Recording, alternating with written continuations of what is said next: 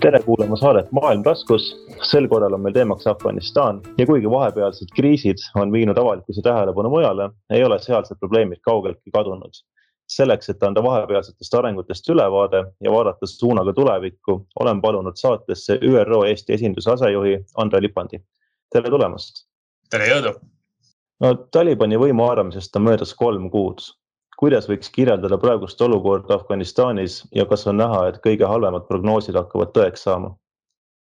kõige halvemad prognoosid, see on muidugi, muidugi keeruline, keeruline koht, kust alata. kõige halvem prognoos oli see, et, et äh, tekib verine kodusõda, mis võib kesta siin kuid, äh, kui mitte kauem, et selles mõttes äh, võib isegi öelda, et kõige halvem ei saanud teoks. samas olukord ei, kohe kindlasti ei ole kuidagi roosiline kolm kuud on natuke lühikene aeg, et, et teha siin põhjapanevaid järeldusi, aga, aga mõned asjad on praeguseks selged. et on selge see, et, et äh, Taliban ei, ei ole minemas kiiruga seda teed, et rahuldada neid tingimusi, mida rahvusvaheline kogukond on justkui neil, neile seadnud.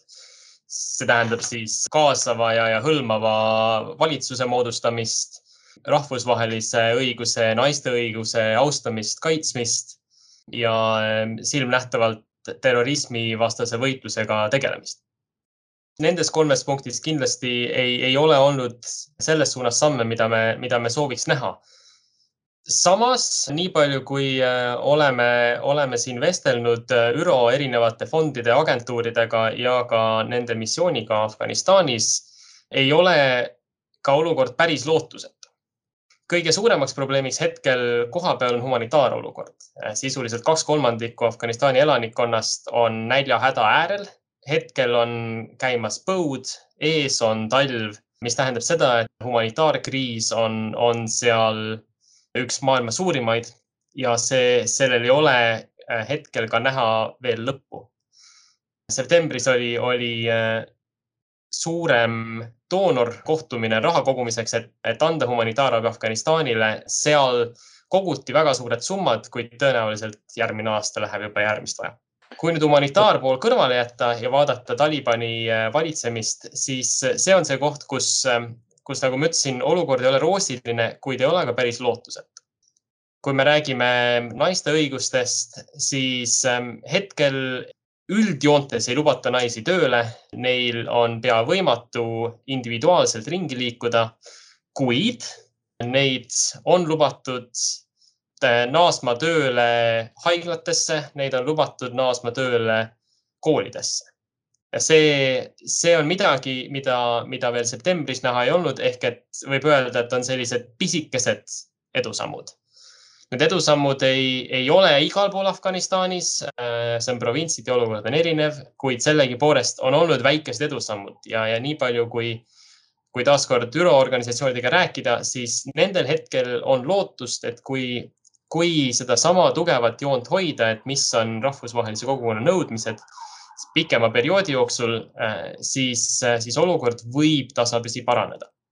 kas ta jõuab sinna, kus meie tahaksime näha, et see oleks ja kaua selleks aega kulub, on, on hetkel küll raske vastata. kui minna nüüd korraks tagasi humanitaarküsimuste juurde, siis äh, alguses kardeti üldse seda pärast äh, Talibani võimu haaramist, et ÜRO ei saa oma missioonidega jätkata. et kas praegu siis ÜRO-l on ikkagi enam-vähem vabad käed Afganistanis äh, tegutseda ja inimõiguste tagamist jälgida? Oleme vestelnud nii, nii ÜRO humanitaarpoolega kui ka ÜRO inimõiguste poolega. Äh, humanitaarpoole pealt äh, ligipääs on parem kui varem. kahel põhjusel, üks on see, et äh, aktiivne konflikt on hetkel läbi ja kuna, kuna otsest sõjategevust ei toimu, siis on võimalik pääseda isegi piirkondadesse, kus aasta tagasi oli ÜRO-l väga keeruline tegutseda Taliban tervitab ÜRO kohalolu, tervitab humanitaarabi ja, ja suhted koha peal on konstruktiivsed. see on see sõnum, mida me oleme ÜRO humanitaarpoole pealt saanud. kui vaadata nüüd ÜRO inimõiguste külge, siis need eksperdid on alles hiljuti saanud naaseda tagasi riiki, kuna ka vahepeal ÜRO ise oli sunnitud osaliselt riigist evakueeruma. Nende esimesed sõnumid on olnud lootustandvad Äh, nii palju, kui nad on suhelnud äh, Talibani näiteks Kaitse- ja Justiitsministeeriumi esindajatega, siis äh, sõnum on tulnud sealt, et ollakse huvitatud sellest, et ÜRO jätkaks inimõigusrikkumiste monitoorimist, kinnitamist ja, ja raporteerimist. osaliselt puhtalt juba ka sellepärast, et, et siis Taliban ise näeb, mis on olukord riigis ja, ja, ja saab vastavalt käituda. Kui, kui kaua seda positiivset vastuvõttu jätkub, eks aeg näitab, aga hetkel lootust on. küll aga on, on, tuleb siinjuures mõista siiski seda, et suuremas plaanis rahvusvahelise kogukonna huvi ja, ja tähtsus, mis pannakse inimõigustele ning Talibani huvi ja tähtsus, mis nemad panevad inimõigustele, on väga erinevad aga milline üldse on koostöö Talibani valitsusega, et, et noh, kas on näha, et nad ka täidavad antud lubadusi või on pigem tegemist selliste eh, tühjade sõnakõlksudega, et hea küll, et me lubame mingeid teatud asju teha, aga ega me päriselt ei arvesta sellega, mida meile siis öeldakse? See on nüüd küsimus, millele minul on natukene raske vastata, sest jällegi ma pean justkui vahendama seda, mida, mida olen kuulnud siin ÜRO kolleegidelt. meil hetkel siit New Yorgist suhtlus Talibaniga puudub. ÜRO kolleegidelt tean, et nad suhtlevad Talibaniga pea iga päev. Nad on andnud teada, et taaskord vestlused on konstruktiivsed, kuid edusammud on minimaalsed. mida selle juures siin tuleb meeles pidada, on ka tõsiasi, et Taliban ise on alles konsolideerumisfaasis. Taliban on selles faasis, kus ollakse kätte võidetud riik. kuid selleks, selleks võiduks oli vaja teha lubadusi ja nüüd neid lubadusi tuleb täita. ehk et nüüd toimub justkui sõjasaagi jagamine ja arusaadavalt see toob üles uued konfliktid, tekivad lahkhelid selles osas, et millist uut Afganistani erinevad Talibani fraktsioonid soovisid näha. Ka need kokkulepped, mida Taliban oli teinud äh, teiste vähemustega, need kokkulepped nüüd tundub, et on tasapisi hakanud käärima. kuidas see kõik jätkub, peame lähedalt jälgima. mida see aga tähendab, on, on see, et Taliban ise on, on mõnes mõttes plindris. võib äh, siin üsna julgelt äh, teoretiseerida selles osas, et osad Talibani kildkonnad ehk oleks üsna valmis lubama naisi tagasi kooli, nõudes, et nad kannavad vastavat riietust ja on, on, on meestest eraldatud.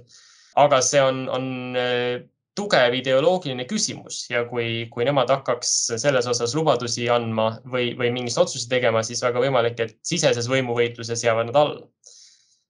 selline, sellised dünaamikad mängivad praegu kindlasti suurt rolli ja, ja peab vaatama, mida järgmised eh, Talibani sada päeva toovad.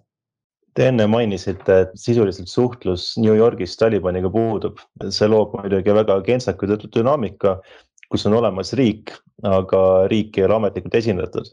et mis määral on oodata Talibani valitsuse kaasamist ÜRO laua taha ja kuidas üldse lahendada see dilemma, et nende kaasamine legitimiseerib Talibani võimu et kui ma õigesti aru saan, siis selleks on ju kõigepealt vaja eemaldada üldse Taliban terroriorganisatsioonide nimekirjast. See on täiesti õige ja ma ei näe, et, et see saaks niipea toimuma. mis siin võib juhtuda, on see, et, et mõni, mõni teine riik võtab justkui endale rolli vahendada Talibani sõnumeid, võimalik, et Pakistan. kuid tõenäolisem on see, et, et rahvusvahelise kogukonna sõnumite edastajaks Talibanile ning Talibani sõnumite edastajaks äh, rahvusvahelisele kogukonnale Äh, on jätkuvalt äh, ÜRO oma abimissiooniga koha peal. Kui rääkida vahendajatest, äh, siis Venemaal toimus oktoobri lõpus kümne riigi esindajate kohtumine Talibaniga. et kas see nüüd on ka mingi selline uh, uut pretsedenti loov samm, et, et justkui Venemaa tahaks seda positsiooni endale võtta? see ei ole pretsedent. Taliban on käinud Venemaal ka varem.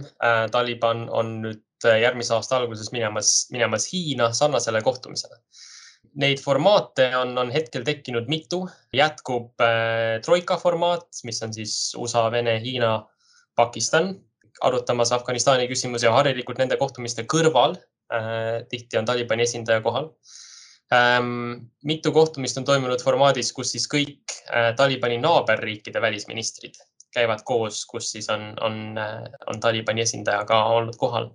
et neid formaate on, on mitmeid, siin, siin pretsedenti hetkel ei ole kui rääkida nüüd mainitud Venemaa-Hiina positsioonidest Afganistani küsimuses, no me teame, et näiteks äh, mõlemad riigid keeldusid augusti lõpus USA, Ühendkuningriigi ja Prantsusmaa resolutsiooni osas hääletamast. et äh, kas julgeolekunõukogu laua taga on näha nüüd teatud suurema üksmeele tekkimist Afganistani küsimuses? teatud põhiküsimustes on see üksmeel selgelt olemas. see üksmeel on isegi, isegi tugevam kui osadest teistes konfliktides, mida Julgeolekunõukogu eh, hetkel arutab. Ehm, küll on aga selge, et, et ega sada protsenti üksmeelel ei ole ja seda ei, ei tasuks ka oodata. Ehm, mida siin nüüd peab jälgima, on see, et, et kuidas eh, Vene seisukohad ja, ja Hiina seisukohad edasi arenevad. Ehm, kuigi nende käitumine mainitud augustikuise resolutsiooni puhul oli tõesti sama, siis tuleb nentida, et, et nende põhjused selle käitumise taga nii Hiina kui Vene puhul on erinevad. ja need põhjused oleks? Hiinat huvitab äh, peamiselt äh, stabiilsuse tagamine Afganistanis. seda peamiselt selleks, et nad saaksid jätkata regionaalset majandusarengut.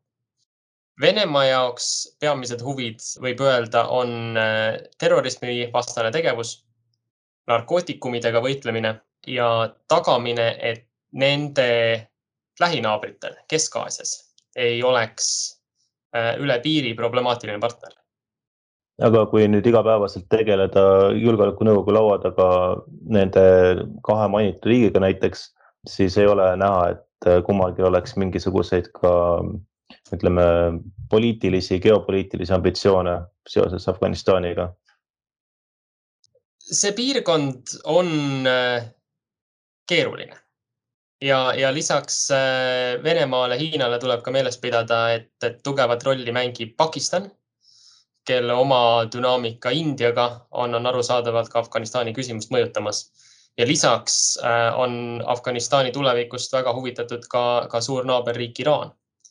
et äh, selles mõttes jah, piirkond on keeruline no piirkond on keeruline ja, ja kindlasti on julgeolekunõukogus vaja säilitada vähemalt äh, mingisugustki üksmeelt, et, äh, et mis saab edasi, millist joont äh, kavatseb julgeolekunõukogu hoida Afganistani osas ja milliseid nõudmisi esitada ning millised võiks olla järgmised reaalsed eesmärgid, mida siis taotleda, et Talibani valitsus täidaks ja Afganistanis suudetaks saavutada no hetkel ma ütleks, need, need nõudmised on üsna selged, need on olnud nüüd samad äh, alates augustist ja, ja arvatavasti jätkuvad ka edaspidi. Äh,. ei ole hetkel täheldada, et, et seal oleks muutust, see on siis sama esindusliku ja kaasava valitsuse moodustamine, inimõiguste, naiste õiguste austamine, terrorismivastase võitlusega tegelemine Need nõudmised on läbi kumanud mitte ainult ÜRO Julgeolekunõukogu kohtumistest, vaid ka äh, regionaalsetest ja, ja